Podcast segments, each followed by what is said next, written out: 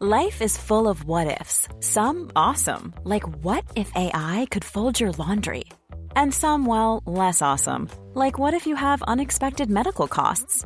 United Healthcare can help get you covered with Health Protector Guard fixed indemnity insurance plans. They supplement your primary plan to help you manage out of pocket costs. No deductibles, no enrollment periods, and especially no more what ifs. Visit uh1.com to find the Health Protector Guard plan for you. I'm Sandra, and I'm just the professional your small business was looking for. But you didn't hire me because you didn't use LinkedIn jobs. LinkedIn has professionals you can't find anywhere else, including those who aren't actively looking for a new job but might be open to the perfect role, like me.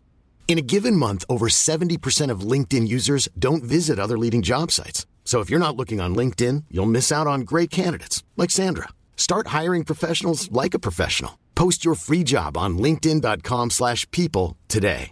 Cool fact a crocodile can't stick out its tongue. Also, you can get health insurance for a month or just under a year in some states. United Healthcare short term insurance plans, underwritten by Golden Rule Insurance Company, offer flexible, budget friendly coverage for you. Learn more at uh1.com. Vi är denna vecka sponsrade av Indie Beauty. Och Sofie, det här tycker jag är extra fint och extra roligt. Ja men Indie Beauty är ju ett skönhetsvarumärke som jag tror att väldigt många känner till, men det jag älskar mest det är att Indie Beauty liksom vill vara mer än bara produkter, vilket de ju också är. Exakt, Indie Beauty står ju för Independent Beauty, skönhet på dina villkor och för din egen skull.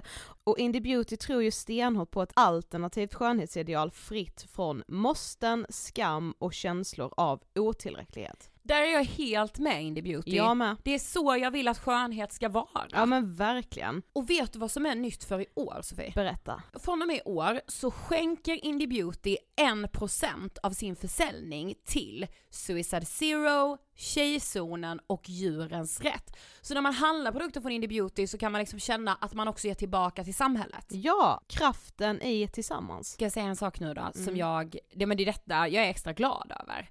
Nu har Indie Beauty tagit fram en keps och den tycker jag ändå så på sommaren, skyddar sig från solen, Jättebra, jag älskar kepsen. men det bästa, de bidrar till Suicide Zeros viktiga arbete för att minska antalet självmord och självmordsförsök. Så för varje såld keps så går hela vinsten, 100 kronor, direkt till Suicide Zero. Då kan man liksom göra nytta både för samhället och sin hud på en och samma gång. Ja, och kepsen kostar 169 men alltså hela vinsten går då som sagt till Suicide Zero. Så om man vill göra skillnad när man är där ute i solen, nu när den börjar titta fram, då ska man välja den här kepsen. Den säljs exklusivt på indiebeauty.se och på Apotea. Tillsammans kan vi skapa en ljusare framtid. Vi ses med kepsarna på! Tack Indie Beauty. Vi är sponsrade av Mindler och som ni säkert vet sedan tidigare så är vi ju ute på psykologresan tillsammans. Men hur vet man egentligen när det är dags att söka hjälp? Ibland uppstår saker i livet som kommer utmana oss och kännas tufft. Det mesta självläker vi oss igenom, för vi är menade att ta oss igenom en viss mängd påfrestningar. Men ibland behöver man professionell hjälp för att ta sig ur jobbiga perioder i livet. Men vart går då gränsen? Vad är en del av livets skavighet och när är det läge att söka hjälp? Det sägs till exempel att stress är farligt, men att också kan vara bra. Alla sover dåligt ibland, så när har man egentligen sömnproblem? Ångesten kommer väl krypande för de flesta någon gång. Så när ska man se ångesten som outhärdlig? Hur vet jag? Med oss som psykolog har vi såklart min gamla psykolog Linnea Seidbrant. Men Linnea, vad är egentligen utmattningssyndrom? Utmattningssyndrom är en konsekvens av svår och långvarig stress utan möjlighet till återhämtning. Vi är ju då skapta för att klara av stress, men vi behöver också återhämtning. Om du utsätts för för mycket stress under en lång period utan att du får till den nödvändiga återhämtningen så kommer kroppen till slut att säga ifrån. Och det är faktiskt så att alla har en gräns. Du kan drabbas av en rad fysiska eller psykiska besvär som trötthet, sömnproblem, hjärtklappning, besvär från magen och tarmarna och mycket annat. Och det här är ju då varningssignaler och tecken på att du kan behöva göra någonting åt din situation. Annars så kan besvären utvecklas till att du mår så dåligt på sikt att du blir psykiskt och fysiskt utmattad. Ladda ner Mindler till din telefon och läs mer på mindler.se.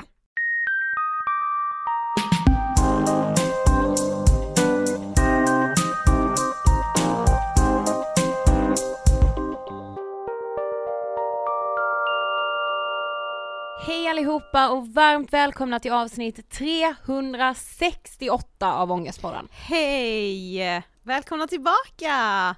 Jag har kollat på Netflix. Det har jag med. Jag har kollat på Tinder Swindler. Ja.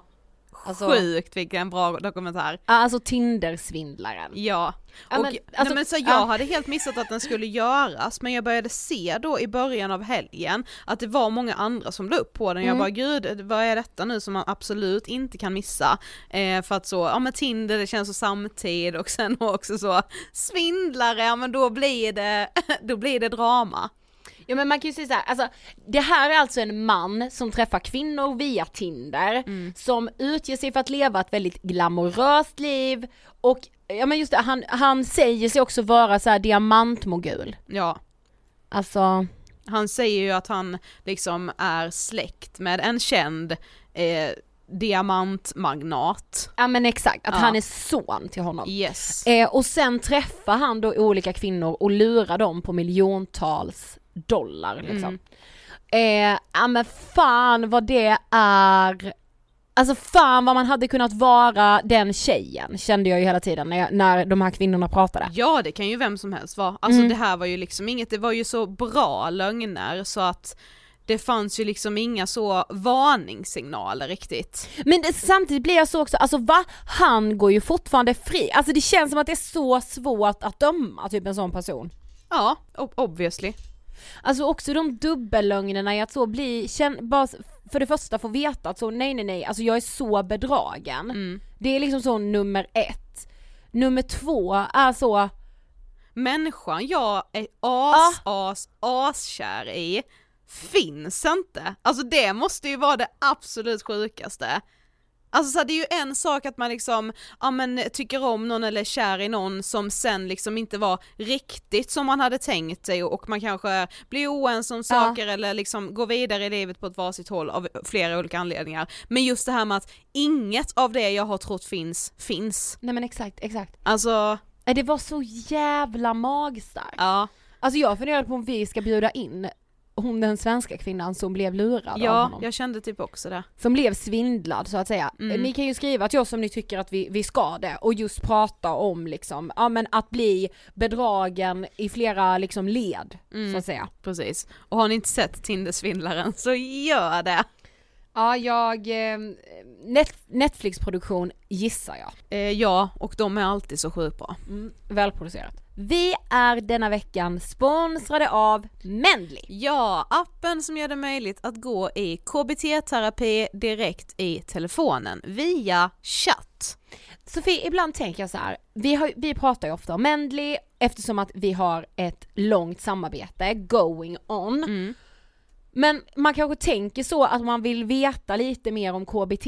Mm. För KBT, kognitiv beteendeterapi, är ju liksom en terapiform där fokuset ligger på tankar, ens känslor och ens beteenden. Ja, och att det är ju ganska liksom, ganska fort handlar terapin om att liksom utsätta sig för saker, det är liksom mycket läxor om man vill kalla det det. Eh, man känner ju verkligen att man är i, att man befinner sig i KBT-terapi Ja. hela tiden Ja. när man går i en KBT-behandling. Ja men precis, och genom KBT så jobbar man ju också, alltså inte bara med att så här förändra Alltså vad man tänker, utan snarare hur förhåller jag mig till mina tankar, känslor och de här beteendena Vilket på sikt då gör att man kan förändra saker och ting som gör att man kanske inte mår så bra. Ja och det gör ju också, eller så har det i alla fall funkat för mig, att när jag gick i KBT-terapi, som jag ju faktiskt gjorde hos Mendley,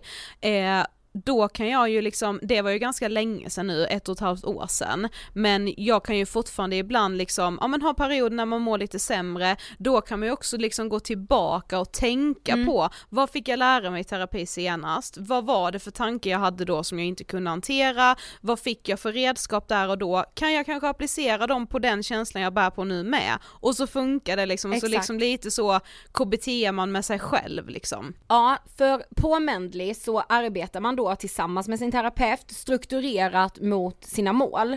Eh, så får man lära sig om problemen man brottas med, hur de uppstår, varför de kvarstår och sen får man då som sagt öva sig på att använda de här verktygen för att hantera sina problem.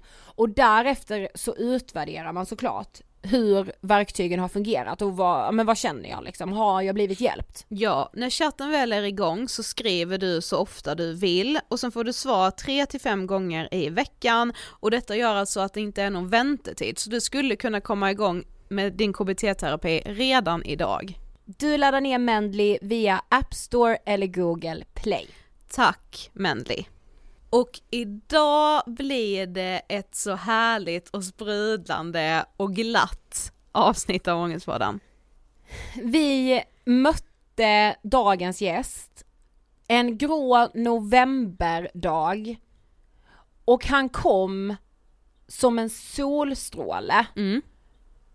Jag pratar om Mikael. Instagramkontot Mikael i kjol. Och Mikael kallar ju sig både hen och han. Ja, i hans bio så står det normkreativ, icke-binär pappa och det är ju liksom typ exakt det här vi kommer att prata om i dagens avsnitt. Ja, och Mikael i kjol antyder ju såklart att Mikael just bär kjol. Det jag tycker är så fint med Mikael också det är ju att Alltså vi pratar ju just om det här med att när man känner att man inte passar in i liksom normen, mm. säger jag nu med citationstecken här, men verkligen det här extremt normativa. Eh, att man också, att många kanske känner att man direkt måste hitta då vad man annars är. Alltså okej okay, om jag inte är då en man som älskar att klä mig typiskt manligt eller en kvinna som älskar att klä mig typiskt kvinnligt, vad är jag då? Alltså att man måste hitta någon slags etikett och liksom att det kan också vara en inre stress på något sätt och det pratar vi om med Mikael idag. Exakt, och vi pratar ju också om att känna att så här, det är någonting som inte stämmer med mig. Och att det, det kan låta också så, gud vadå för att det är något fel? Nej nej nej, men jag kanske inte är som normen. Ja, men också det helt fantastiska i att bara våga vara sig själv och hur jävla vackert det är. Ja, alltså vi rullar intervjun med Mikael. Varsågoda! Hej Mikael, varmt välkommen till Ångestpodden. Tack så mycket. Så kul att ha dig här efter att ha liksom stögat runt lite och letat efter varandra på stan här. Det, så kan det vara när man kommer till storstaden. Precis. Eh, för de som inte vet, vem är du? Eh, jag heter Mikael, jag är 47 eh, år sedan en månad tillbaka. Eller, Grattis i efterskott. Ja, tack. Ja, men 47, det känns som att jag börjar bli lite äldre och visare tycker jag. Ja. Men eh, det känns ändå som man har mycket kvar att lära sig. Sen har jag två barn, eh, två fantastiska barn. Det är Vilma 15 och Saga 9. Eh, och ja, världens bästa barn enligt mig själv givetvis. Mm. Och så är jag brevbärare på dagarna, vardagarna. Mm. Men framförallt så är jag väl här för att jag kom ut som transperson för sex år sedan. Mm. Du har ju också ett väldigt härligt instagramkonto som heter Mikael i kjol. Ja. Alltså jag älskar det. Det är så bra namn också. Ja, och från början var tanken egentligen bara att jag skulle liksom eh, försöka ja, se snygg ut, alltså i manligt kodad kropp i de här kläderna som jag trivs bäst ja. i liksom. Eh, bara för att jag har inte någon sån representation från varken barndom eller jag tycker att jag ser idag liksom. Mm. Det blir kanske lite bättre men då för eh, fem sex år sedan så fanns det ingenting liksom. Så, så, jag tänkte att ja men kul att göra liksom. Mm. mm. Ja, namnet är verkligen briljant. eh, men du ska få Ångestpodden-frågan. Eh, vad tänker du på när du hör ordet ångest? Eh, för mig är det liksom dåtid, nutid, framtid. Mm. Liksom hela kittet skulle ja. jag vilja säga. Eh, dåtid är det ju framförallt eh, mina 30 år i garderoben och hur dåligt mm. jag har mått där och med både självmordstankar och mått jättedåligt liksom. Och, eh, fruktansvärd tomhet och känt att jag liksom aldrig har orkat leva liksom. Mm. Eh, sen fick jag två barn som jag sa och liksom och helt plötsligt så blev det, för, blev det förändring i mitt liv liksom. Jag vågar absolut inte liksom unna mig det här kvinnliga som jag hade i garderoben. Så det blev mer att jag skulle vara en man och en pappa och Ja, ännu mer när du blev pappa. Ännu mer ångest Ah. blev det. Så att när jag fick mina barn så, jag kunde liksom aldrig riktigt känna den lyckan, utan jag kände bara med att jag var en skam, att jag, att jag skämdes ännu mer för mig själv. Så det blev ännu mer ångest Ja. och ännu tydligare.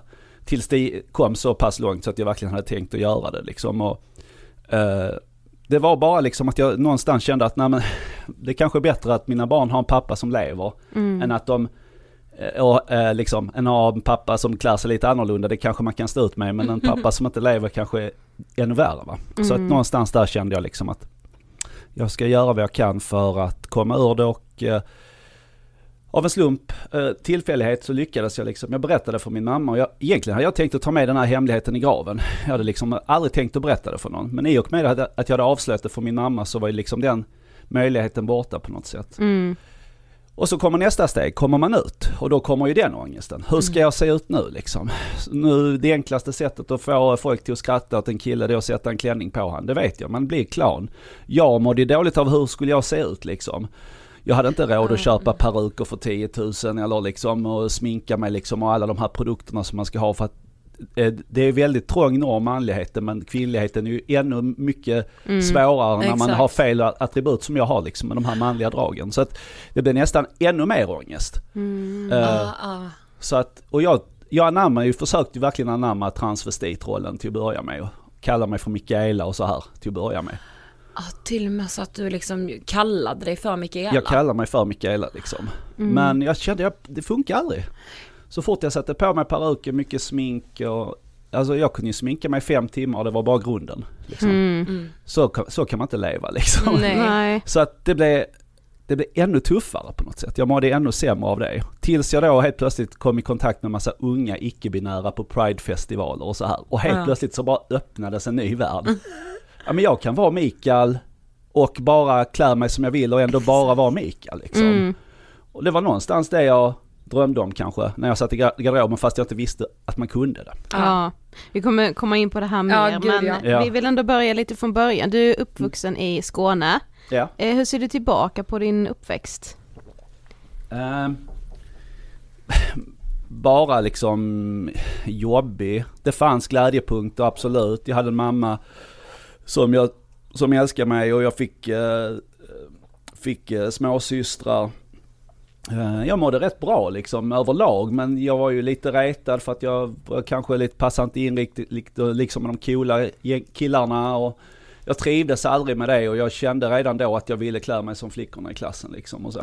Eh, Och det kom väldigt tidigt liksom. Jag började pröva mammas kläder, jag vet i 10-årsåldern och redan då fick jag liksom ångest för att jag gjorde det. Jag kände mig fin Ah, först ah. och sen så fick jag ångest och mådde jättedåligt över det liksom. Mm. Så pass tidigt liksom.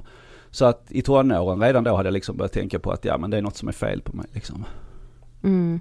Men kan du minnas första gången som du provar eh, liksom typ din mammas kläder och hur det absolut. kändes? Ja, men det var ju lustfyllt liksom. Det var Ja. glädje, det var härligt liksom. Jag kände mig jättefin när jag fick snurra runt i mammas klänningar och Mm. Eh, men sen blev det liksom, det går rätt snabbt över liksom i någon slags, eh, ja men någon slags att du vet, det här får inte jag göra, detta är, detta är inget som jag får göra liksom. Mm. Jag får inte klä mig så här, så här får flickorna i min klass klä sig men inte jag liksom. Så det blir rätt snabbt någonting negativt av det liksom. Men i de, alltså, precis när jag sätter på mig kläderna, när jag tittar mig i spegeln och så, då är jag ju världens lyckligaste pojke liksom. Mm. Åh.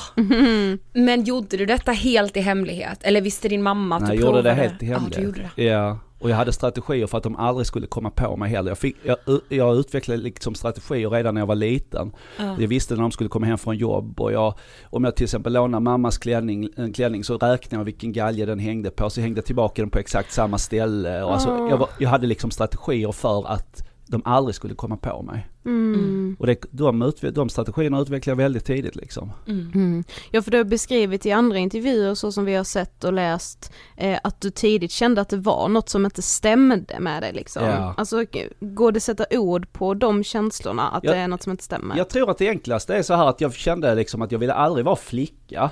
Mm. Och jag, ville, och jag var inte intresserad av pojkar. Mm. Alltså så. Och det upptäckte jag ju rätt snabbt liksom. Det märker man ju i puberteten vem man är intresserad Ja. av och hur man vill klä sig och uttrycka sig och så. Mm. Så att nå- det var något som kändes konstigt för jag, jag trivdes i min kropp, jag trivdes med den jag var. Men det var det här med kläderna och, ut, och uttrycket och utseendet som jag aldrig fick ihop i skallen så jag bara kände mig fel och annorlunda liksom. Ja. Och det med, alltså när man är så ung, att känna de känslorna, det påverkar ju, ja herregud det påverkar en i vuxen ålder med. Mm. Men när man är så ung så är man ju också identitetssökande hela, Ja. hela Hela tiden. tiden ja. Och jag hittade aldrig mig själv i det liksom. Eh, och det, det gjorde ju också att eh, de här känslorna av skam och skuld och så eh, kommer ju enormt tidigt liksom.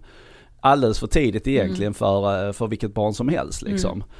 Eh, men att jag dessutom försöker anamma, att, du vet när jag blir äldre så anammar jag machonormen, machonormen ännu mer liksom. Jag ska vara liksom macho ända ut i tåspetsarna och jag får inte röra saker som har liksom med kvinnlighet att göra liksom. För att, Ja. för att skjuta det ifrån mig liksom. Mm. Eh, så att det blir som en, eh, men det blir liksom som, en, inte bara att det är skuld och skam liksom, utan, utan det- det blir som ett, ett tryck hela tiden som jag aldrig får bort från mitt bröst. Liksom. Ja. Ja, precis. Men hur var liksom högstadie och gymnasietiden? Alltså, var du väldigt macho då liksom? Nej, nej, det är inte under högstadiet. Det kommer nog lite under gymnasietiden Ja. och sen kanske allt, framförallt när jag började högskola. Ja, Då har jag någonstans kanske växt i fatt också och blivit liksom, ja. Eh, Men innan det så vet jag, jag är nog bara vilsen och ehm, jag känner mig bara allmänt ful och retad och mår inte bra och ja, Mm. det är bara tufft allting. men följer det här med liksom under hela din uppväxt att du i hemlighet provar mammas kläder liksom? Ja, tills jag ändå kan börja köpa själv och då Ja, börjar jag just det. köpa via postorder istället och köper hem en kartong liksom och så har jag en kartong där hemma som jag börjar som jag då börjar säga att ja men nu sitter jag fast i garderoben för de, de kläderna kan jag prova själv i smyg. Men eh, i olika faser i mitt liv, till exempel när jag börjar högskolan, men då tar jag den kartongen och så slänger jag den. Försöker trycka bort den känslan. Och så går det kanske ett år, kommer känslan tillbaka igen. Ja. Och så köper jag på mig nya kläder, men så, ja. Och så, och så blir jag lite äldre och så kommer mitt första barn, då slänger jag det igen. Så man håller, jag håller på så, alltså i omgångar så har jag slängt väldigt mycket postorderkläder liksom så. här. Ja, för att så här, nu var det sista gången. Nu liksom, var det sista så. gången, nu ska jag vara man. Ja, Som man ska vara. ja. Men när i livet blev du pappa? Eh, jag, eh, första gången var jag 32 och andra var jag 38. Ja. Så ändå hyfsat mitt i livet sådär liksom. Ja. Det var, jag känner inte att det verkligen var sent eller tidigt liksom, utan sådär lite lagom. Mm. Eh, men eh, som sagt, jag har inte varit bra i förhållanden heller liksom. Jag har varit ganska dålig eftersom jag har eh, haft ett då, eh, Det har alltid varit liksom det här med mitt temperament, jag har inte mått bra liksom. Mm. Det är alltid någonting som har gjort att jag har liksom snappat och inte mått bra. Mm. Eh, och det har ju gjort att eh, de relationerna jag haft har inte varit jättelysande. Men Nej. som jag brukar säga, jag har ju fått två liksom fantastiska barn tack vare det. Så jag är ju inte, jag är inte ledsen för Nej. att det har blivit som det har blivit. Jag är fantastiskt lycklig för att jag har fått mina barn. Mm. För någonstans är det ju de som har gjort att jag fortfarande sitter här. Det är ju för dem jag lever nu liksom. Men kunde det bli så att du kände mycket ilska gentemot dig själv? Ja, otroligt mycket ilska. Ja. Alltså, jag var så arg på mig själv att jag inte bara kunde vara en normal man. Mm. Att jag inte bara kunde få vara liksom som alla andra liksom. Bara gå där ute och men, trivas i t-shirt och jeans och, Ja. och gympadojor och bara känna mig hemma i det. Mm. Jag var så arg på mig själv. För vad, är det det du liksom har känt under hela ditt liv, att du liksom inte kände dig hemma i stereotypiska manliga kläder? Jo men så är det ju. Mm. Jag har ju, eh, jag, som jag brukar säga nu, liksom, mina förebilder är liksom rent outfitsmässigt och klädmässigt, det är ju kvinnor och tjejer liksom. Mm. Alltså de tycker jag klär sig fint och det har jag alltid gjort och jag är stolt över att jag får klä mig som dem nu liksom. Mm. Men då var det är som en eh, det är som ett vattentätt skott liksom mellan manlighet och kvinnlighet där man inte, där man inte som man kan, man får inte vara lite kvinnlig som man Nej. liksom. Nej. Eh, för det är inte något bra liksom. Nej. Eh, nu tycker jag, nu är jag stolt över att jag får göra det här liksom, men det, det har ju jag har kommit på först nu liksom. Mm. det är ju ingen som har hjälpt mig på vägen och sagt att ja men Mikael du kan få klä dig i en kjol där eller du kan få klä dig i klänning. Det är ingen som har sagt det liksom. Nej. Men det var aldrig så då att du liksom testade lite grann, att du vet så, ja men säg att man har jeans men man har kanske en typisk kvinnlig eh, topp eller typ att du så här hade manliga kläder fast nagellack som du har idag till exempel. Ja. Det var aldrig så att du liksom testade gränserna utan det var antingen jättemanligt eller Jag har testat det i smyg bara. Så Ja men inte aldrig liksom i öppet. skolan nej, eller så. Aldrig öppet, nej. Nej. Nej det har jag aldrig vågat. Eh, för att eh, jag märkte rätt snabbt också, du vet att till exempel när jag fick mina första, eller när jag träffade, hade jag tjejkompisar och så, och så sa de till mig, ja men kan du inte hålla handväskan Mikael? Bara en sån här grej liksom. Kan du inte hålla handväskan? Och så tyckte jag bara, jo men det kan jag. Och så skrattade de åt en för att man höll handväskan på fel sätt. Ja, Ja, Och det är ju inte illa ment. nej. nej. Men det bara blir så. Exakt. För att, ja men det är lite roligt att en kille som står och håller handväska där liksom så. Mm. Och sådana saker liksom, och jag vet någon gång vi var ute på, eh, på någon midsommar och så var det någon som sa, oh, här, är- oh de har jättefina skor här inne och så fick jag inte följa med in för det var ju bara tjejskor ju. Alltså sådana grejer är ju, eh, det, i, i det läget så är, är det liksom inte någonting man menar, menar illa Nej, nej. Nej, men- men det blir någonting som sätter sig i min skalle. Exakt. Jag ska inte röra någonting som har med kvinnlighet att göra för då kommer jag bara bli utskrattad ännu mer liksom. Ja. Men alltså just att bli pappa, alltså blev det att du alltså reflekterade mycket över alltså papparollen och vem du borde, säger jag verkligen med, alltså vara liksom. Ja, jag kände verkligen att jag inte kunde leva upp till den bilden liksom. Ja. Ehm, och det är också nu bara en normbild ju, av Ja, hur, ja. hur man ska vara som pappa och man ska helst spela fotboll med sina barn och man ska liksom eh, leka med dem och som, ehm, det är kvinnan som tar hand om känslorna och mannen tar hand om leken och Mm. alltså så här, alltså Mm. det påverkar mig väldigt mycket liksom. Ehm, och eh, jag tror att någonstans i det hela så, det blir också liksom att nej, men jag kan ju inte trippa runt i kjol och klackar och så och vara pappa. För det kommer liksom aldrig funka i den världen, alltså som, i, med de normerna som finns liksom. Mm. Så jag bara allmänt känt mig malplacerad liksom genom hela min uppväxt, uppväxt liksom och ja, fram tills jag någonstans hittat att man kan vara icke-binär. Det, det tar ju väldigt lång tid att hitta sig själv när man är ung. Mm. Det är ännu svårare när man kommer ut som 41-åring liksom och. Mm. och ska försöka hitta någon slags identitet. Otroligt svårt. Ja. Men hösten 2015 så var dina barn på väg att förlora sin pappa. Ja, Vill Eh. du berätta lite om det? Ja, tyvärr är det ju så. Uh, alltså, jag hade väl någonstans som jag sa, liksom, eller som jag tänkte att jag skulle liksom aldrig berätta det här för någon. Alltså jag tänkte att jag skulle ta med mig det i, i graven på något sätt. Och jag hade väl någonstans känt att eh, jag visste inte hur jag skulle förklara det heller för någon liksom. På ett vettigt sätt liksom. Eh, jag, jag kände till transvestiter och jag kände till transsexuella men jag kände någonstans att Ja okej, det närmsta jag kunde tänka mig att jag var, det var väl att jag var transvestit liksom. Mm. Eh, Men hur skulle jag skriva ner det så att mina barn skulle förstå? Och varför, hur skulle de sen, men varför kom han inte ut då? Alltså, när om det bara var en sån grej. Alltså mina barn hade ju alltid fått ta det med sig liksom. Och jag kände någonstans att det blev för påtagligt också. Mm. Och tack vare då min, eh, ja men jag tänkte, min mamma har känt mig hela mitt liv, hon är den som liksom är mig närmst liksom. Så någonstans som, jag var tvungen till att berätta för henne i alla fall. Mm. I någon stund där kände jag bara att jag må, istället för att bara liksom, som, som jag tänkte då, att jag skulle lämna, eh, så tänkte jag att jag, jag berättade för henne. Och det var ju, det var kanske det bästa jag hade gjort för att i efterhand så har jag ju förstått att det jag gjorde var att då öppnade jag ju mig. Mm. Alltså då öppnade jag ju mig, att någon fick reda på min hemlighet. Och då fanns det liksom egentligen ingen anledning längre att, alltså eftersom hon accepterade så fint som hon gjorde liksom. Hon sa att hon älskar mig lika mycket oavsett vilket liksom. Så att, eh, och då blev det liksom att, nej men då har jag ju inte, men då kan jag ju inte ta livet av mig. För då har jag ju berättat, det var ju det, det här det handlar om. Ja, liksom. Ja. precis. Och då kommer ju nästa steg liksom, men hur ska jag nu komma ut och hur ska jag se ut och vem ska jag vara liksom. Mm. Så det var ju inte bara liksom att, oh frid och fröjd, nu har jag berättat för någon. Utan Nej, det, nej, nej. Utan det, det kommer ju mycket nya rädslor och mycket ny ångest som lägger sig över mig liksom. Ja. Men jag tänker med, med din mamma, var det så att du hade lyckats bevara hemligheten för henne? Ja, hon visste ingenting. Nej. Nej.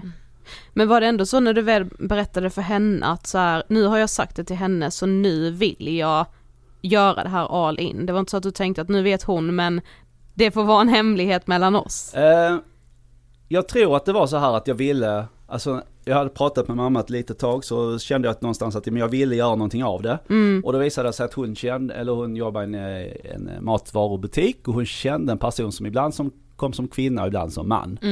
Ah. Och den här personen är en av mina förebilder som heter eh, Sara Lund Claes Smith. Alltså Sara Claes nere i Malmö. Det var en nöjes, eh, nöjesman, eller nöjeskung kan man snarare säga. På eh, Slakthuset nere i Malmö. Som kom ut som transvestit i början av 2000 någonting, 2001. Så jag har föl- alltid följt liksom han, hennes resa liksom. Och så jag fick snabbt kontakt med, med den här personen vilket gjorde att jag fick en ingång till att möta andra transvestiter och andra transpersoner. Och då blev det mycket lättare. Mm. Såklart. För då fick jag ju- då var jag inte lika ensam längre. Alltså, Nej det är så konstigt med det här för man, är, man känner sig som världens mest ensamma människa och sen så när man träffar andra så, är det, så träffar man hur många som helst och alla har känt samma sak. Ja, Alltså, ja. och liksom den förståelsen man måste ha för varandra för att alla har gått runt och känt exakt den här, ja men skammen och ensamheten. Ja. Att mötas i det, det är liksom det mest kärleksfulla man kan vara med om kan jag tänka Ja, men det, mig. fan, Alltså, det var fantastiskt liksom. Ja. Jag, jag säger, jag är inte lik någon av de här andra transpersonerna på något sätt. Men alla har, alla har den här gemensamma nämnaren av skam och ångest och skuld. Alltså att man, man har mått så fruktansvärt dåligt. Så Ja. där, man kan direkt identifiera sig det med, liksom, när man sitter och pratar med dem. Precis. Såklart. Så även om man inte har någonting annat gemensamt så är det som att, åh, vi, vi alla liksom har suttit i den här ensamheten och den här rädslan. Mm. Och förlora allt. Man är så rädd för att förlora allt. Man är så rädd att förlora sina nära och kära. Man är så rädd att förlora liksom allt det man har. Mm. Eh, för att man vet inte hur det ska bli liksom. Nej. Nej, och normerna är ju så otroligt starka så jag Ja. förstår ju oron. Ja. Men alltså gud det är så fint, jag är så här helt liksom, helt berörd. Men, men idag så ent- identifierar du dig som en icke-binär transperson. ja, jag gör det. Alltså, fast jag trivs ändå ganska bra med att bara vara Mikael också. Alltså Ja. den här eh, manliga ytan som jag har liksom. Ja. Så därför så jag har ju mer och mer liksom eh, fjärnat mig från smink och sådana saker Ja, liksom. okej. För att jag inte, känner mig inte riktigt hemma i det. Jag har aldrig gjort det. Jag tycker det kan vara kul att sminka mig. Jag har absolut inte någonting emot det. är jätteroligt. Men det är inte så att jag vill göra det till vardags. Eller det är inte så att jag känner att mig Nej men jag känner mig inte så icke-binär kanske som jag gjorde bara för ett år sedan. Ah, det har, okej, det har ja. utvecklats rätt mycket att jag känner mig, men jag känner mig nästan också som en man, pappa, alltså jag brukar säga att jag är en icke-binär pappa liksom. eh, med pronomen han och hen liksom. Eh, för att jag känner mig inte alltid icke-binär, jag känner mig inte alltid som man, utan jag känner mig någonstans där mitt emellan liksom. Och ibland utanför det och sådär. Men hur har den resan sett ut liksom? Har du känt dig vilse i hela det att man Oj. bör ha, ha ett pronomen och liksom, Väldigt, väldigt rörigt har det varit. ja. Det har varit otroligt rörigt. Ibland, ett tag så var jag ju bara hon för att jag tänkte att jag skulle vara Mikaela liksom all in liksom. Mm. Eh, och ett tag var jag eh, han och hon och sen kom hen in och äh, det har varit fruktansvärt rörigt. Mm. Och, det är, eh, och det är bara för att man måste ha någon definition på det. Precis, varför man nu måste det, Ja, jag vet ja. inte. Nej, När vi Alltså, pratar om det så, gud måste vi det? ja, Alltså, det kan väl bara vara jätte- Mikael som men du det, säger. Ja precis, Ja. det är jättejobbigt för att man måste ha någon definition på det hela tiden. Och, eh, det, har, det har varit jättesvårt. Liksom. Mm. Alltså den resan att komma hit här där jag är nu, det, det tror jag inte var eh, liksom, möjligt i heller. Och det, det är någonstans där också, eh, som ni ser, jag har skägg.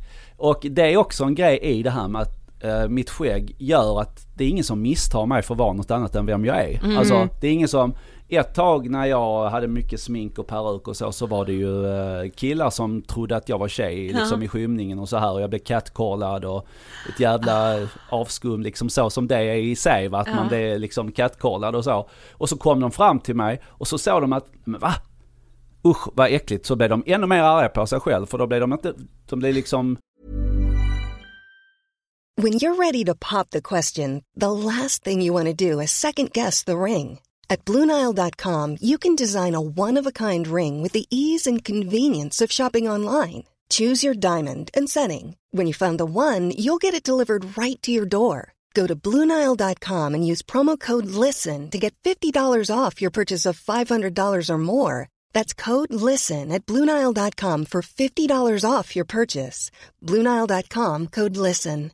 I'm Sandra, and I'm just the professional your small business was looking for. But you didn't hire me because you didn't use LinkedIn jobs. LinkedIn has professionals you can't find anywhere else, including those who aren't actively looking for a new job but might be open to the perfect role, like me.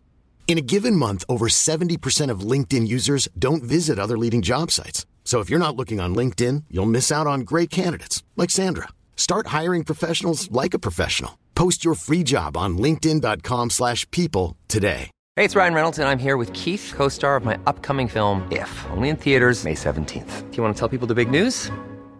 All right, I'll do it. Sign up now and you'll get unlimited for $15 a month in six months of Paramount Plus Essential Plan on us. Mintmobile.com slash switch. Upfront payment of $45 equivalent to $15 per month. Unlimited over 40 gigabytes per month. Face lower speeds. Videos at 480p. Active Mint customers by 531.24 get six months of Paramount Plus Essential Plan. Auto renews after six months. Offer ends May 31st, 2024. Separate Paramount Plus registration required. Terms and conditions apply if rated PG.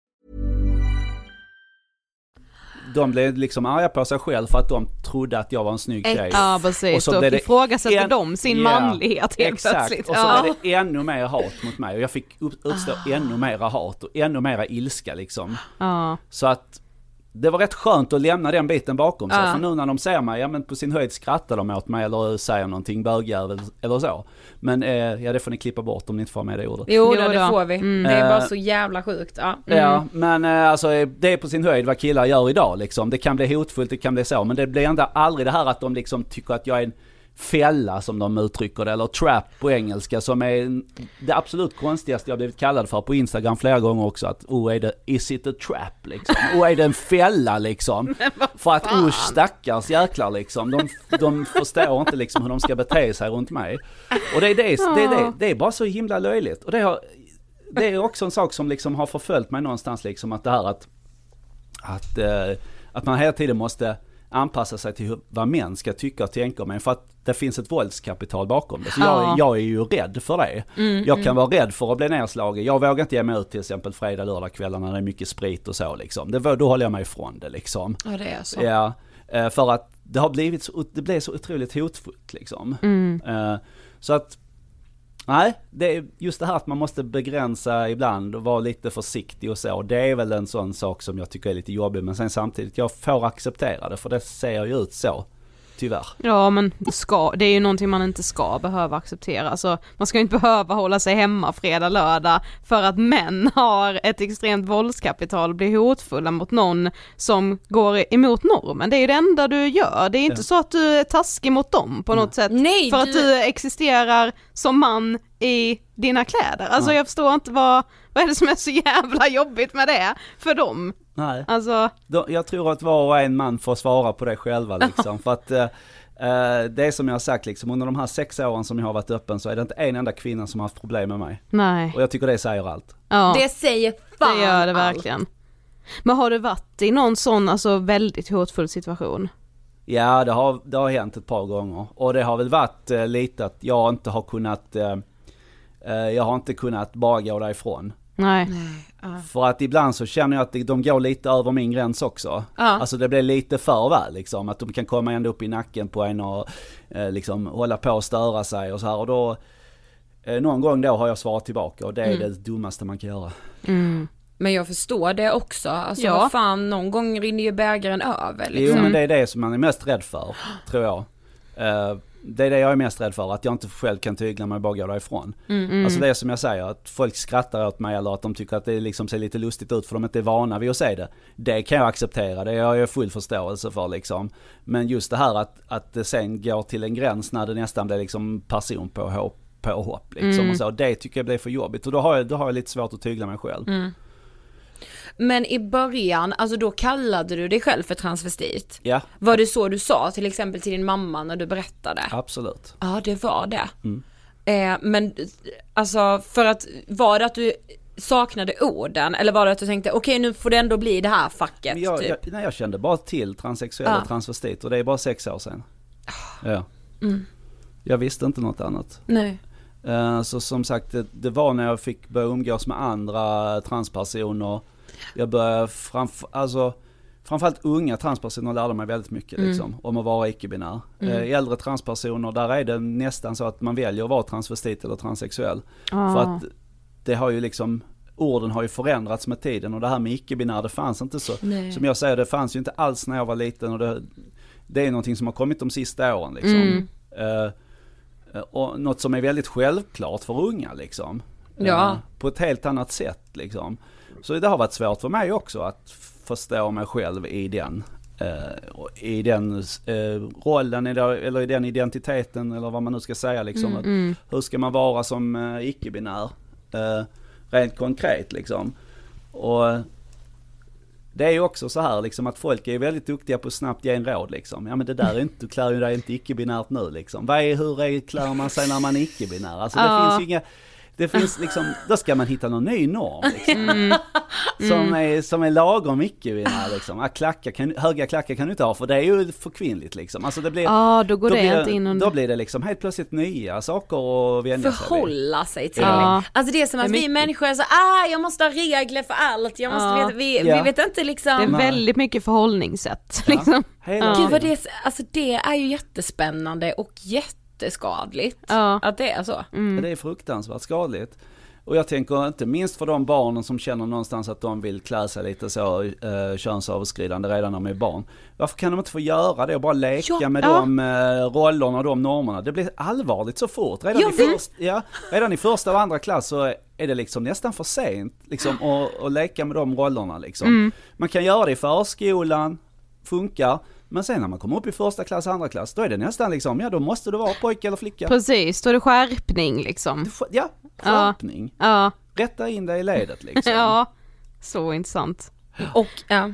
Men när du väl hade berättat för din mamma och så, hur var det att berätta för liksom din omgivning sen i övrigt? Eh, ja men det var lite så här, du vet, nu gör jag det all in. det var liksom som att bara, liksom, nu kör jag hela racet liksom. Så jag, eh, jag kom ut eh, på, eh, på Facebook den 29 september, det var min namnsdag, Mikael Mikaela-dagen. Tyckte Ja. då ska jag komma ut liksom, komma ut som Mikaela då som transvestit också. Och då berättade jag för mina barn, okej mitt lilla barn var så liten så hon fattade ju inte, hon var ju bara tre liksom. Ja. Eh, Men den, jag berättar för mitt äldsta barn, jag berättar för mina kollegor, jag berättar för alla mina vänner och släkt och så vidare liksom. Och alla tyckte bara jag var helt fantastiskt modig. Ja, men det är ju det. Alltså, ja det är ju det modigaste. ja. Ja. Alltså ibland blir man så man vill nästan inte ens fundera på hur många det är som, som tar med sig en sån här hemlighet i graven. ja. Nej, Precis jag vill- som nej, du hade tänkt göra. Nej jag vill inte tänka på det heller. Nej. Alltså det är så... Och jag har det- eh, tyvärr också liksom eh, vänner som jag har träffat sen jag kom ut som tyvärr inte finns med oss i heller liksom. Som inte, och det är, sånt gör ont. Det gör ont att vi är så normstyrda. Mm. Att det inte går att leva liksom. Eh, det går inte att leva i alla sammanhang så här. Alltså jag är tacksam att jag kan göra det på mitt sätt liksom. Men sen, eh, jag har haft rätt förutsättningar. Det är därför jag vågar vara öppen också. För att mina närmsta tycker att det här är okej alltså. Liksom. Men sen så känner jag så många som som inte deras närmsta tycker att det är okej. och Ja. De är så rädda för att förlora liksom den tryggheten de har liksom. Får inte ens en gång få tala om de här männen som är gifta och har barn, hemmavarande barn och sitter i en sits där det liksom är nästan hopplöst att komma ut, kanske i den lilla byn eller Mm. det kan vara den stora staden också. Men just det här att det är så, ja det är olidligt liksom. Ja. Ja. Jag har ju fått jättemycket meddelanden under de här åren. Liksom, tack Kan vare mitt Instagram där de berättar liksom att ja det är så här och så här och jag hoppas jag kan, jag hoppas jag kan vara lika modig som dig en dag liksom. Mm. Att man ska behöva vara modig liksom, bara det säger allt. Liksom. Ja. Det är ju det. Att det, alltså, Att det det, är ju grej. extremt modigt men Ja. att det ska behöva vara det är ju det problematiska. Ja, Ja. precis. Men nu skulle du säga hur har liksom ditt liv förändrats sen du, ja men började vara dig själv? Men det är, jag, bruk, alltså jag brukar säga att det är så enkelt som att när jag går in i en butik så behöver jag inte låtsas handla till min fru. Nej, ja. Utan jag kan gå in i en butik och säga att de här kläderna är till mig själv. ja. Eh, ja, det här nagellacket ska jag ha, alltså så vidare. Alltså sådana här grejer. Det är jätteskönt. Jag behöver liksom inte gömma mig bakom, eh, eller gömma mig i en låda längst upp i garderoben. Utan mina skor står framme där hemma, mina kläder hänger i liksom framme. Eh, mina barn vet jag behöver liksom aldrig vara rädd att de ska komma på vad pappa har i, i garderoben, vilka kläder det finns där liksom. Jag kan vara en öppen och fri själ. Jag kan välja, en dag kan jag gå i byxor, en dag kan jag gå i, liksom, i uh, kort kjol och högklackat liksom. Mm. Uh, alltså, jag får välja av båda världarna, jag får vara fri i mig själv liksom. Ah, exakt. Ah. Ja men för vi såg ett YouTube-klipp med dig där du eh, pratade just om det här med att, ja men ena dagen kanske du vill ha eh, jeans och platta skor liksom. Ja. Men att du då nästan kan få lite dåligt samvete gentemot dig själv. Ja. Kan du utveckla det lite? Jo, men det är för att jag, du vet när man kommer ut och liksom har kommit ut som transperson, Mm. så är det lite så här att ja men då ska man vara transperson. Alltså då ska du ju inte vara, då ska du inte vara den du var innan liksom, utan då ska du ju vara transpersonen. Mm. Det är lätt som transvestit att eh, ikläda sig rollen ibland som att ja men nu är jag kvinnan eh, och transvestiten Mm. och sen nästa dag så tar man av sig då och så är man, går är man man och går till jobbet liksom. Ja. Men som icke-binär så är man lite som sagt lite mitt emellan. Så att det är nästan så att ja men då kan jag ju kanske inte gå klädd i de här eh, kläderna, alltså för jag ser ju ut som jag gör nu. Ser jag ut på samma sätt när jag har t-shirt och jeans på mig. Ja. Som jag är när jag klär mig liksom mer kvinnligt liksom. Och då blir det liksom att men om jag klär mig i eh, manligt då, vem är jag då? Var, vilken identitet har jag då? Liksom? Eh, är jag fortfarande liksom icke-binär då eller är jag bara man då? Eller alltså det blir, det slår skruv, det blir svårt liksom, att hantera liksom fortfarande. Eh, och ibland så kan jag bli arg på mig, för det här låter jättekonstigt, att jag tar den enkla vägen ut liksom. Att jag, ja men jag klär på mig eh, jeans och t-shirt bara idag för jag orkar inte med blickar och så. Och det, det kan irritera mig också att jag ibland kanske eh, begränsar mig eller att jag känner att jag måste anpassa mig för jag orkar inte vissa dagar. Ja för kan du fortfarande känna så att vissa dagar är det bara enklare att vara den här stereotypa mannen säger jag nu med Ja men det är det. Vissa dagar är det det. Och det är för att jag mår så dåligt kanske. Jag orkar inte liksom. Eh, det är som jag sa, jag måste vänja mig vid att folk tittar på mig eller skrattar åt mig. Och det behöver inte vara att de är elaka i sig utan det är bara att de är ovana. Det kryllar liksom inte av män där ute som ser ut som mig. Nej. Nej. Eh, och därför så blir det bara liksom att, ja men Men det är liksom, jag kan tänka mig att eh, det, man, det är svårt att förklara men för mig blir det precis som att jag, jag kan, jag har ju möjligheten att dölja vem jag är på insidan. Jag, jag kan göra det. Och jag tänker det är lite grann som du vet när folk eh, mår dåligt liksom. Alltså, fast de är jättesnygga på utsidan. Man kan inte tro att den där personen mår jättedåligt. Nej. För att det är så jävla snygg yta och allting är toppen liksom. Så man fattar inte att den personen mår dåligt liksom. Nej. Så är det med mig när jag går i, eh, i eh, t-shirt eller jeans eller så. Jag mår jättedåligt. Jag känner mig inte alls hemma i det. Men jag kan jag kan kväva det liksom. Jag, jag måste försöka kväva det liksom de dagarna jag gör det. Alltså, så. Men jag mår väldigt dåligt av att inte kunna få uttrycka mig som jag vill. Eh, för att det räcker att jag bara kommer ner till affären och ser att en kvinna kommer klädd. Alltså bara så, oh, så hade jag också velat klä mig nu. Ja. Alltså jag ser det direkt liksom. Jag blev, jag blev så avundsjuk. Alltså för jag vill också klä mig så. Men, men du bor ju i Vellinge i Skåne Mm. och där har vi förstått det som att du verkligen har blivit väl mottagen eller som att du liksom har vi blivit, fått stöd från din omgivning. Ja, alltså jag flyttade dit för ett och ett halvt år sedan. Ja. Och då var jag väldigt så här försiktig. Jag började väldigt försiktigt. Eh, och så umgicks jag med några grannar bara och sen helt plötsligt så var det en som addade mig på Facebook och då är ju liksom min hemlighet röjd liksom. Och sen så har grannarna varit så här himla stöttande och peppande liksom. Det är några äldre män där som bara säger att du får klä dig hur fan du vill, det skiter vi. Bara du inte skadar någon så kan du klä dig hur du vill. Alla får leva som de vill liksom. Ja. Och jag har känt liksom att den har jag ju, ehm, alltså den sinnesstämningen har jag tagit med mig ut sen liksom. Att folk Ja. tycker att ja, men det är okej. Och nu kan jag känna att jag kan prata och eh, interagera med, kommunicera med folk precis på samma sätt oavsett hur jag är klädd liksom. I min hemby. Och det känns jätteskönt. Ja, jag förstår det. Och framförallt är det ju Ja, många brukar säga så här, men det är inte lättare att bo i en storstad kanske. För att eh, där är mer liksom öpp- öppenhet och så. Men det som eh, inte finns i storst eller det som finns i storstaden som inte finns i min lilla by, det är de här stora gängen av killar. Ja. För det är män i grupp som är problemet liksom. Det är, 100%. det är 100% män i grupp som är problem liksom. Och det är, mm, så därför så är det nästan lättare att vara i en by där det är lite mindre killgäng och lite alltså så här.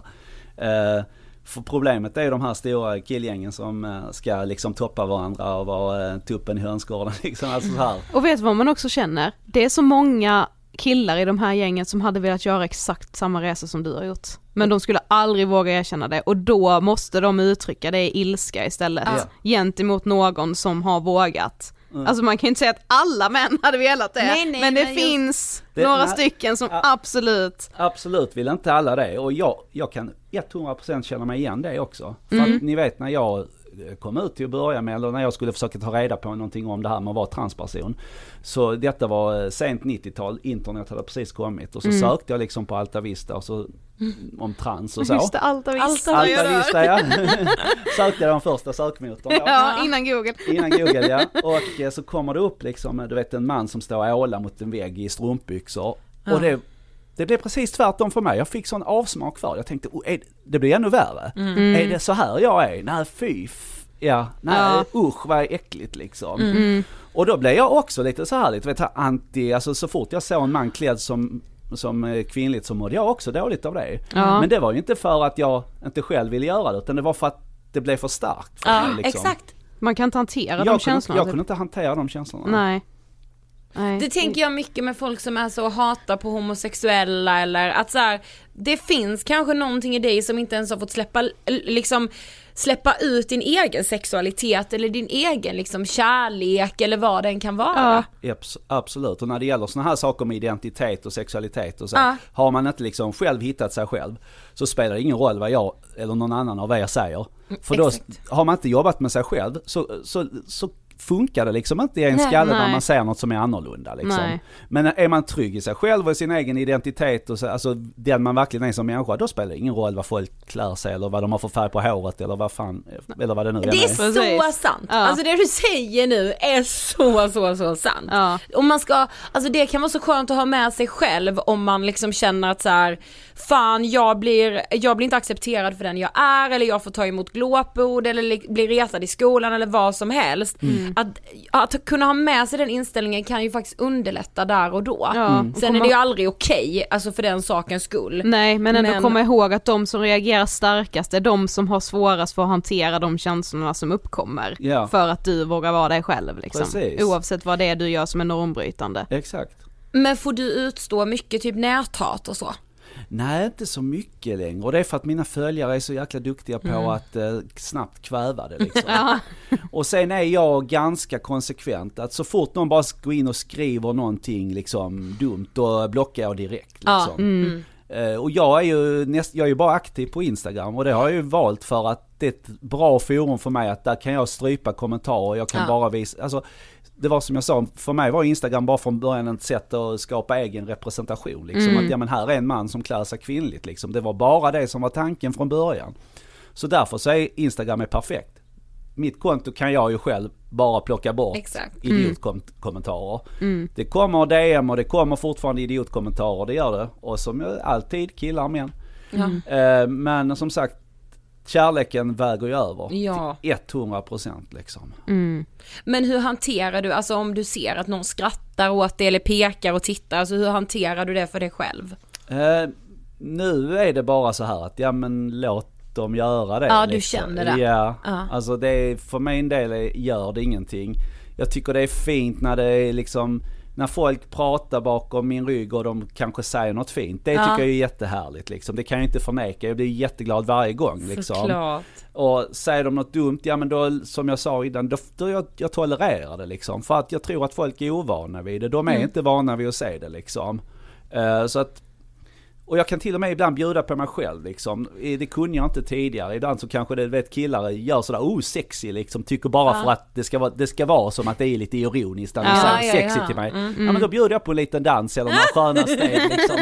Bara för att liksom, ja men showa till det lite. Alltså Ja. det, det hade jag inte kunnat göra för några år sedan Nej, liksom. Nej. nej. Eh, för att ja, men jag känner mig mer trygg i mig själv. Ja, men jag kan liksom bjuda lite på mig själv. Och, och skratta åt mig själv också, det måste man kunna göra också ibland. Eh, för att, eh, ja men, why not liksom? Ja. Det tror jag alla människor mår bra av, att kunna ha lite självdistans. Att kunna liksom, fan, ibland är man, ibland är man lite rolig för något eller liksom ibland att kunna driva lite med sig själv. Jag tror det är viktigt. Ja. Ja. Jo men det är det. Ja. Men skulle du säga att du fortfarande liksom befinner dig i en resa i att bli ännu tryggare i liksom att vara Mikael i kjol? Absolut. Mm. Som jag sa, ångest för mig är ju dåtid, nutid och framtid. eh, utan tvekan är det så att jag ju, vill ju bli ännu starkare, jag vill kunna känna mig mer självklar i den här rollen liksom. Mm. Eh, jag vill kunna våga göra saker, mer utmanande saker. Eh, men jag mår fortfarande dåligt att jag inte bara kan få vara där ute liksom och liksom gå lite obe, obemärkt förbi. För det är väl skönt att göra det någon gång men det är Mm. liksom det blir ju aldrig så utan det blir om jag ska ge mig ut till exempel i en storstad eller var jag än är liksom så blir det alltid liksom någon, någon blick eller så eller någon kommentar får jag ju liksom, måste jag ju tåla. Så det blir liksom aldrig att jag kan liksom helt slappna av. Ja. Eh, Så att den dagen jag kan liksom hitta, hitta det lugnet hade varit fantastiskt. Jag har försökt, jag har försökt liksom att eh, hitta strategier för att komma någonstans närmare liksom så här. Eh, och jag vet att ni gillar terapi till exempel. Jag tänker att något sånt har jag ju, jag har provat lite grann sånt Ja. också. Och jag tänker att ja men kanske jag är redo för att prova lite mer eh, längre fram. För att någonstans bara liksom att man måste programmera skallen och tänka positivt också liksom. Exakt. Mm. Men du ska veta att när man sitter och pratar med dig så, här, så känns du så självklar. Ja, det verkligen. känns som att du är så trygg liksom. Ja, verkligen. Ja, jag Jo, men det, det. det är som har man gått på några stötar så vet man ungefär hur man ska hantera Ja. det liksom Mm. också. Och det är rätt positivt liksom. Ja. Ehm, jag brukar säga så här att jag, från den här otroligt otrygga personen som var ute tre månader liksom efter precis kommit ut som transvestit och eh, peruken satt på sniskan och sminket var helt jävla galet och ja, det är klart att folk skrattar åt mig. Jag skulle också skrattat åt mig om jag hade sett, eh, sett mig då liksom. Eh, men just att från, från den, liksom den här otroligt nervösa och väldigt rädda personen så är jag väldigt glad liksom att jag har kunnat utvecklas till att bli lite mer självklar och framförallt har jag ju fått ta mycket lärdomar med mig från den tiden också. Jag blev ju väldigt trakasserad i början för att, onekligen för att jag kanske inte såg helt liksom självklar ut. Och män är ju som rovdjur också liksom. De går ju på den som är svagast. Och Ja. jag var definitivt, jag såg verkligen både svag och rädd och ledsen ut liksom när jag var där ute i början. Eh, Så därför så eh, är jag så himla glad att jag har börjat förstå liksom de här mekanismerna bakom liksom. Och eh, att de som trakasserar, man ska aldrig bry sig om de som trakasserar, man ska bry sig om de som blir trakasserade. Man ska gå fram till dem och prata med dem istället, eller ge dem en glad blick eller någonting. För det räckte bara, när det hade hänt några gånger att jag blev trakasserad och så kommer det någon och bara säger så, oh, är det inte lite kallt att ha tunna strumpbyxor? Hon gav mig ett leende liksom. Eh, Så bara, jo det kanske det är. Och då, då, de andra som höll på att trakassera mig, de bara gick för den, den situationen bara blev avblåst. Ja, precis. exakt. Så det räcker egentligen att man bara söker någon annans blick eller får leende från någon annan så kan man snabbt känna sig trygg även om man blir trakasserad. Det är rätt fint att veta det. Så man hittar ju olika lösningar för att känna sig trygg och stabil där ute också liksom. Ja. Och den delen att bli självklar i sig själv, ja man är det kanske 90% av tiden. Men sen måste man få vara lite svag också, kanske 10. 100%. Ja man måste få vara den här lilla ynkliga personen. som- Ja, Och det är man ju, det är ju vi med. Alla är ju det. Alla måste få vara liksom. det. Ja. Ja. Alltså, Och det är jätteviktigt Ja. att känna det. Att, och även om man känner att vissa dagar har, mår man jättedåligt och man känner att man kommer aldrig ta sig ur det så vet man att ja men det, då får jag omfamna den här känslan nu och så får jag försöka ta nya tag och så kommer jag ut igen sen och försöker vara starkare då liksom. Mm. Det, det, det, det handlar hela tiden om att försöka bygga upp sig själv även om man liksom är, mår väldigt dåligt liksom. Mm. Ja, jag beundrar dig ja, jättemycket. jag med, så otroligt. Ja. Vi har kommit till sista frågan. Ja. Vad inspirerar dig? Eh, oj, det är så många saker på så många olika plan. eh, jag blir inspirerad av eh, er. jag blir inspirerad av eh, kroppspositiva konton. Jag blir inspirerad av eh, transpers alltså, transpersoners konton, eh, hbtq-konton. Jag blir inspirerad av eh, tjejer och kvinnor som klär sig snyggt som jag också vill klä mig. Um, Ja, men har du några exempel på liksom vad du har för så stilikon, eller liksom? Ja men alltså, okej nu låter det här jättelarvigt men jag är uppväxt på 80-talet Ja. och då var det mycket Madonna och Ja. du vet, eh, Pernilla Wahlgren Ja. och eh, alltså, Axelvaddarna, Ja. jag tycker det är rätt kul. Ja, det är jag, det. jag kanske ska prova lite mer sånt Ah. liksom. men någonstans så har jag ju där det kommer någonstans det här och sen jag tycker 50-talsmodet är rätt, Mm. rätt häftigt också så jag gillar de här eh, härligt fladdriga stora Kjol- kjolar ja, och precis. klänningar och sånt. Mm. Eh, Men annars så är det bara liksom så som jag klär mig idag med kavaj och liksom rätt stilrent Ja och för så. din stil, din, din stil är ju väldigt liksom classy, den känns Ja. väldigt så fest och snygg Ja, alltid. ja. och den stilen tycker jag att många tjejer och kvinnor klär väldigt snyggt i. Ja. Jag trivs och klär mig så också. Ja. Och där är kanske inte någon specifik utan det är Nej, bara det liksom, kan det kan vara Vem random. som helst på stan. Vem som helst på stan. Ja. Tack så jättemycket för att du ville gästa Ångestpodden. Ja, så härligt med lite skånsk dialekt också i podden. Ja men du vet, alltså jag tycker också att så, jag blir så enormt inspirerad av människor som inte bara, ja men som liksom gör allt för att få vara sig själva. Ja, Alltså, även jag- om det, det liksom sker så mycket motstånd i det. Exakt. Ja.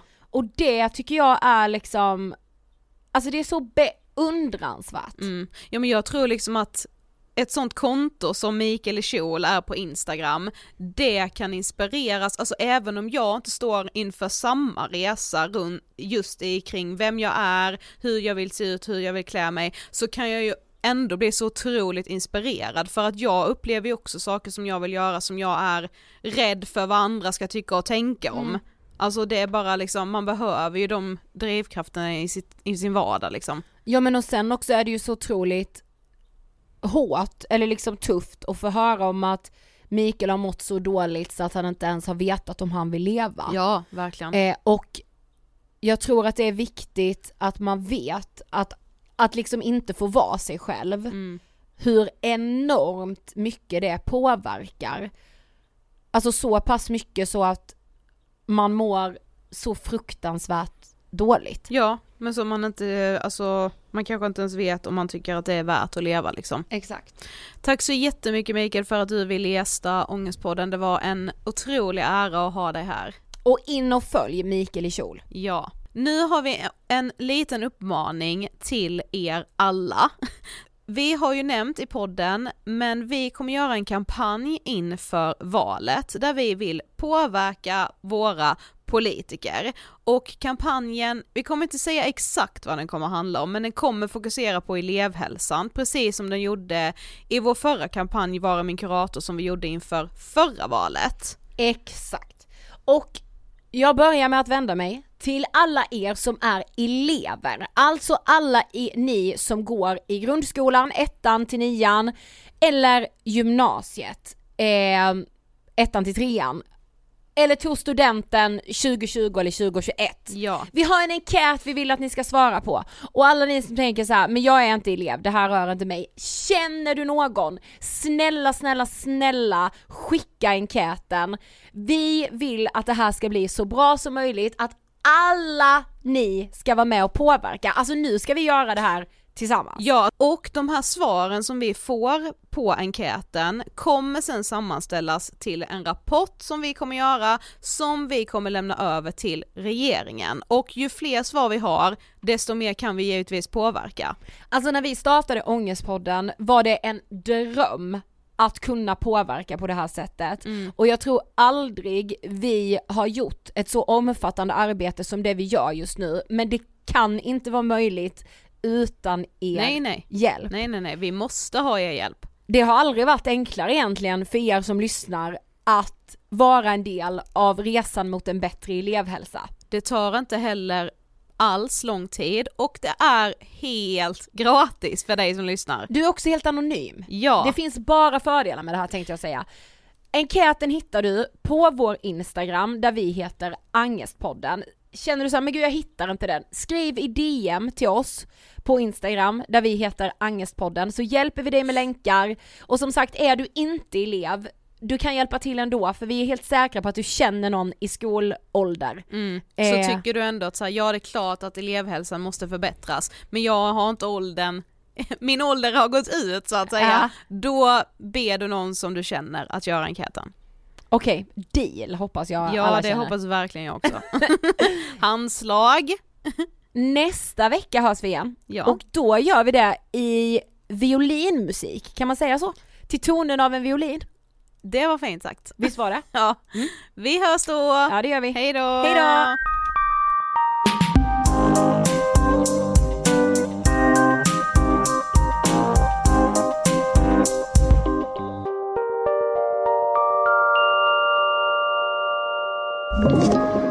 Podplay.